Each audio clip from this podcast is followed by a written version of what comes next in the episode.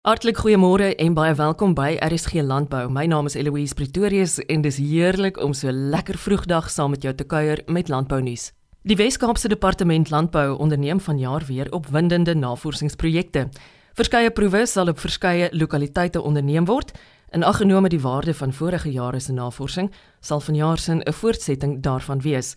Hierdie proewe by die departement se navorsingsplase sal weer eens van groot waarde wees vir veral graanboere. Die toediening van swamdoders, dekgewasse, asook vele ander kwessies sal van nader bekyk word. Plantpatologie navorser Dr Gert van Koller deel onder andere met ons besonderhede rondom die voorkoms van aarskroei op koring, asook ander navorsingsnuus. Dankie Eloise. So by ons bestaande projekte gaan ons vanjaar nou, daar's projekte wat nou afgehandel is en ons het twee nuwe projekte wat vanjaar begin. Die eerste ene is op koring en die profet ontstaan uit 'n vorige projek van ons En dis wat so wonderlik is van navorsing, as jy begin met 'n projek en jy begin jou data insamel en jy begin goed leer en dan besef jy later maar Wow, wie sê dit ons nog nie aan gedink het nie of aan gekyk het nie en dan dan begin pak jy dit aan. In die geval is dit nou so so aard dat ons die bestaande projek moet stop om 'n hele nuwe projek te begin want die nuwe projek is dit soveel is soveel meer waardevol. Die kort en lank af van is dit is koring kultivar projek. Maar daar word baie koring kultivar werk gedoen, maar ons gaan 'n paar interessante kombinasies daarin doen. Eerstens die Ons gaan kyk na die respons van koringkultivars teenoor die belangrikste blaarsiektes, maar meer spesifiek, ons gaan kyk hoe reageer die verskillende koringkultivars in die Wes-Kaap teenoor die verskillende blaarsiektes, maar dan ook as dit 'n uh, normale spuitprogram deurgaan teen swam met swamdoders versus as daar geen bespuiting is nie. Die idee daaruit het gekom uit die uit 'n vorige projek soos ek gesê het, het ons gekyk het na die weerstand van koringkultivars teen poeieragtige meeldou. En ons het laas jaar was daar nogal heelwat poeieragtige meelde gewees, so ons kon nogal baie nice cultivar verskille sien hoe hoe cultivars reageer. Daar het ons net gekyk suiwer watter cultivars is meer weerstandbiedend, watter is meer vatbaar. Maar soos ons gekyk het daarna, het ons gesien maar baie cultivars was regtig baie siek geweest, maar in die cultivar reg langs aan is feitelik heeltemal gesond geweest. Dit is nou die natuurlike weerstand. So die idee het toe ontstaan dat ons gaan kyk die belangrikste cultivars in die Wes-Kaap wat dan feitelik 199% van die kultivars wat aangeplant is uitmaak. Wat ons dan wil gaan doen is ons gaan die kultivars by vier lokaliteite, naamlik um, Langgewens Navorsingsplaas by Tamaamsbury, by Hopefield in die Swartland en dan by Napier in die um, Oeverberg en dan by buite Riversdal in die Suid-Kaap gaan ons die proewe plant en dit gaan wees wat ons noem 'n split plot waar ons die kultivars in 'n gerandomiseerde blokontwerp plant maar die kultivars word dan gesplit in twee bane kan ek sê en aan die een baan kry dan die normale um, swamdoder program en die ander in die ander baan kry dit dan nie. Wat ons dan gaan doen is ons gaan hierdie seisoen siekte lesings meet in al die behandelings, maar wat baie belangrik is is en dit is waar plantpatologie bietjie baie keer bietjie tunnelvisie het, is daar's al baie swamdoder werk gedoen, maar ons het nog nooit regtig gekyk na wat is die agronomiese respons van swamdoder toediening nie, want omdat dit siektevlakke dan afbring, is dit veronderstel om dan jou agronomiese performance soos jou biomassa, jou um, blaaroppervlak indeks, ehm um, jou strooi tot graan verhouding, al daai goeders te verbeter. Dis nog ooit regtig in soveel detail daarna gekyk. Ons kyk altyd net na as ons by swamdoder werk kom, bring dit die siekte af, bring dit of wat wat doen dit aan die siektevlakke en dan wat doen dit aan die opbrengs. Maar ons kyk nie na al die ander parameters nie. So ons gaan kyk hierdie seisoen na al die verskillende parameters en aan die einde van die seisoen natuurlik ook na opbrengs, maar ook belangrik dan gaan ons ook die verskillende kultivars se graan wat geoes word gradeer, laat gradeer by die silo's. En die belangrike punt daarso is om te kyk hoe dit die boer bevoordeel. So daarmee saam gaan ons 'n koste-analise doen vir elke behandeling. Want dit is definitief moontlik dat 'n kultivar in in 'n kultivar 1 byvoorbeeld in Riversdal omgewing definitief vir die boer meer meer winsgewend sou wees as hy met die spuitprogram deur gegaan het. Maar met cultivar 2 kan hy eintlik dalk net met een spuit spuit swambespuiting of selfs met geen swambespuiting weggekom het nie. En as hy sou gespuit het, sou die koste-analise dan wys het hy eintlik wins gemaak op 'n of 'n dag of het hy geld verloor einde van die dag. So dit is in kort wat die projek oorhandel. So ons is baie opgewonde daaroor en ons gaan ook eh, dit word ook 'n MSc studie dan vir 'n nuwe student wat geregistreer gaan wees by departement plantpatologie en departement agronomie. Die waarde wat ons in die projek sien is dat ons dan by, omdat ons dit by verskillende lokaliteite doen en dan die belangrikste kultivars in die Wes-Kaap by elke lokaliteit plant, kan ons dan vir die boer op die einde van die seisoen sê Met hierdie kultivar het jy sê maar jou insetkoste vir swamdoder toediening was maar argumentsonthaalwe R6000 per hektaar gewees vir jou twee of dalk drie bespuitings wat jy gespuit het. Maar as ons kyk na wat jou opbrengs en jou graankwaliteit was versus die blok wat glad geen bespuiting gekry het nie, dan sien ons jy dalk byvoorbeeld opbrengs en kwaliteit, graankwaliteit verbetering het vir jou R8000 meer per hektaar ingebring. So 8000 minus 6000 is dan jy dan R2000 wins gemaak. Terwyl by ander kultivar is dit baie moontlik dat ons kan wys jy het dieselfde spuitprogram gevolg, maar die kultivar is eintlik meer weerstandbiedend teen die verskeidenheid um, siektes soos pooragtige meeldou en blaarroes wat baie algemeen in die Weskaap is. En het jy R6000 per hektaar ook gespandeer om jou bespuitings daar te doen, maar as ons kyk na jou onbespuite kontrole, die toename in in graankwaliteit en graanopbrengs is dan maar iets so sê maar R3000 gewees. Jy het R6000 gespandeer, maar jy het net R3000 wins gemaak. So eintlik het jy R3000 verlies gemaak en dit is waar die werklik die waarde van die projek vir die boere vir die verskillende streke gaan kom en ons gaan die werk ten minste oor twee seisoene doen en moontlik dan nog verlanger want elke jaar varieer die siekte druk en die klimaat en so aan.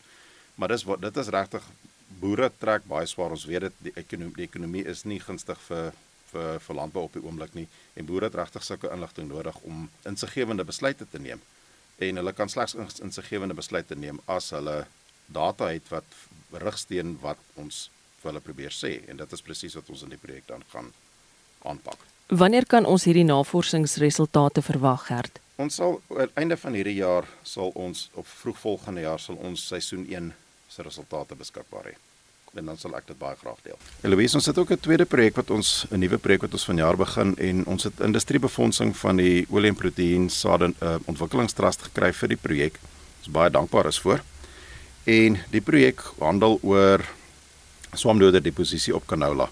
Ons het 'n soortgelyke studie op koring wat ons nou al vir 3 jaar doen en ek het al van tevore daaroor gepraat.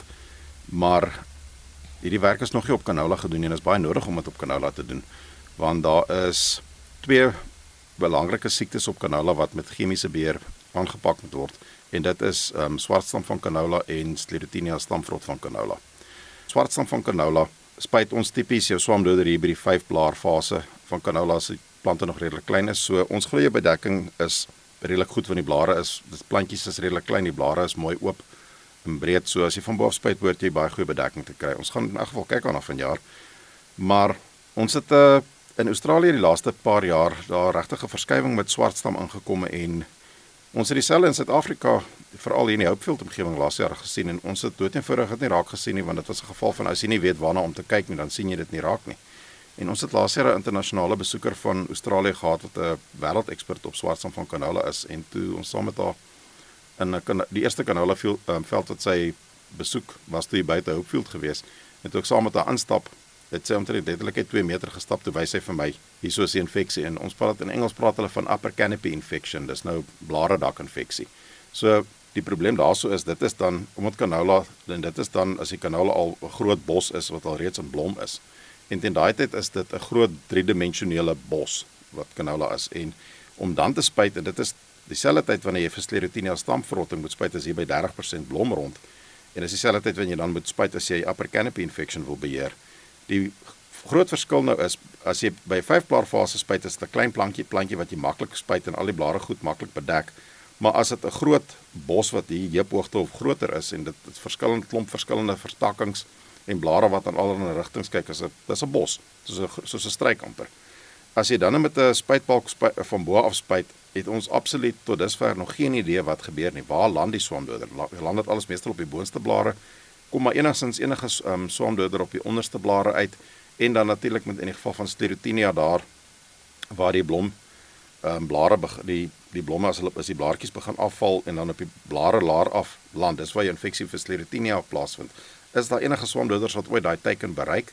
So dit is wat die doel van hierdie projek is en dis nou 'n nogal ambisieuse projek want dit is moeilik om canola in 'n veld in te stap om jou plante te monster monsters te neem in so 'n moeilike de mekaar bos.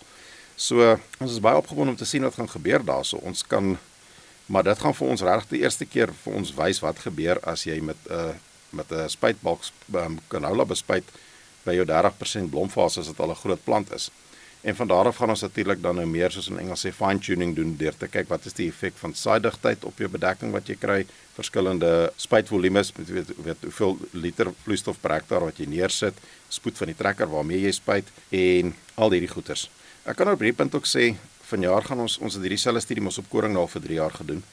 En vanjaar gaan ons ons het nou ehm um, trekkerbespuiting het ons nou redelik goed deurgetrap en ons het uitstekende resultate daar gekry. Ons het dit nou redelik goed geoptimaliseer. Wat ons nou vanjaar daar gaan doen is ons gaan met koring die optimale trekkerbespuiting vergelyk met uh, dronebespuiting en ook met vliegtuigbespuiting. So dit gaan nou regtig die kersie op die koek wees om dan nou te wys en dan 'n koste-analise gaan ons saam met dit doen om dan vir die boere te wys jou optimale trekkerbespuiting versus dronebespuiting versus vliegtuigbespuiting wat een is die mees effektiewe bespuiting vir in terme van bedekking wat jy kry en in terme van die ekonomie daar agter. So dit is wat ons vanjaar in hierdie projekte gaan aanpak. So gesels plantpatologie navorser by die Wes-Kaapse Departement Landbou, Dr Gert van Koller. Na vele uitdagings wat die Suid-Afrikaanse bosboubedryf die afgelope paar jaar in die gesig moes staar, is dit verblydend om te hoor dat vooruitsigte vanjaar veel beter lyk. Wat loopbaangeleenthede betref, is daar goeie nuus en daar is geleenthede vir nuwe toetreders. Direkteur van Navorsing en Beskerming by Bosbou Suid-Afrika, Dr Ronald Heath, verduidelik. Nou, ek dink as ons kyk na die sektor het ons oor die laaste paar jare regtig uitdagende tye gehad. Van die 2017-2018 vure in in die Weskaap wat regtig die industrie geknou het en nog steeds besig is om 'n uh, negatiewe impak te hê op die industrie as ook as die uh, verwante waardetoevoegingsindustrie van die meubels en die saag saagmeulens. Het ons regtig 'n paar 'n maar jare gehad. Ehm um, van 2020 wat die bosbou uh, meestersplan in plek gestel is. Uh, ons eerste jaar van implementering ongelukkig baie stadig en ons het nie veel beweging gesien nie. In 2022 en ek dink veral aan die einde van 2022 het ons skielik 'n daadwerklike uh, politieke ondersteuning begin ontvang. En ons het prosesse wat ons al vir die laaste 15 jaar as 'n industrie beklei voor, het ons skielik goeie sien gebeur. Van verandering in wetgewing ten opsigte van van lisensies om nuwe plantasies te vestig, ehm um, die regering wat hulle plantasies wil privatiseer en in die hande sit van gemeenskappe saam met strategiese industrie wat saam met hulle gaan werk het ons skielik aan die einde van laas jaar gesien dat alle plantasies in die Weskaap wat deur die regering bestuur is is nou uit op 'n tenderproses en vra beleggers wat die plantasies wil bestuur saam met die gemeenskap vir volgende 50 jaar om ehm um, belange in te dien by die departement. En as ek sê dit is dit is prosesse wat ons vir 15 jaar al beklein, die goeders gebeur skielik nou in 'n paar maande. Hoofsaaklik is gevolg van die bosboumeestersplan en baie ondersteuning van die Public Private Growth Initiative wat die president geloods het in 2018. En die goeders definitief voegware toe en ek dink ons begin nou eers aan die gang kom. Die momentum is nou ges, geskep en ek dink die momentum gaan definitief voorgedra word in 2023 en ons gaan daadwerklike veranderinge sien wat die, die industrie en die plantasie industrie spesifiek gaan dryf tot nuwe hoogtes toe. En ons het al gewys deur COVID en deur die maar jare, dis 'n industrie wat aanhou groei. Dis 'n industrie wat nie werkloosheid bygedra het nie. Ons het eintlik ons ons werkskepping verhoog. Uh, in die laaste 3 jaar het ons amper 11,5 miljard rand belê in die land. So as dit die, die begin is van van nuwe momentum en nuwe groei, is ek regtig optimisties vorentoe vir bosbou sektor. Ek kan ook sê dat laat laas jaar het die departement van bosbou, vissery en die omgewing ook 'n uh, ooreenkoms geteken met die industrie waar hulle vir die volgende 2 jaar 9 miljoen rand per jaar gaan gee vir werk op navorsing en operasionele werk om peste en siektes te bekamp in in in bosbou spesifiek en dan ook die departement van wetenskap en innovasie het vir die bosbouindustrie 'n uh, navorsingsfonds vir die volgende 4 jaar tot die waarde van 35.2 miljoen rand.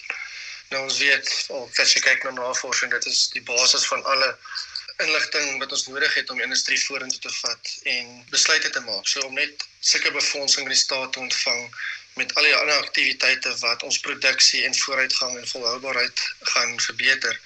Is dit regtig vir my uh, optimisties om uit te kyk na 2023 te groot gaan 'n baie goeie jaar wees vir ons industrie en hoe ons bydra tot werkskepping en ekonomiese groei vir die land.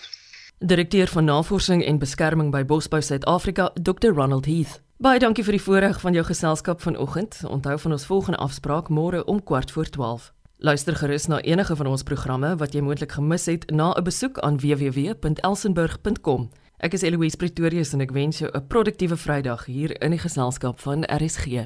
Totsiens.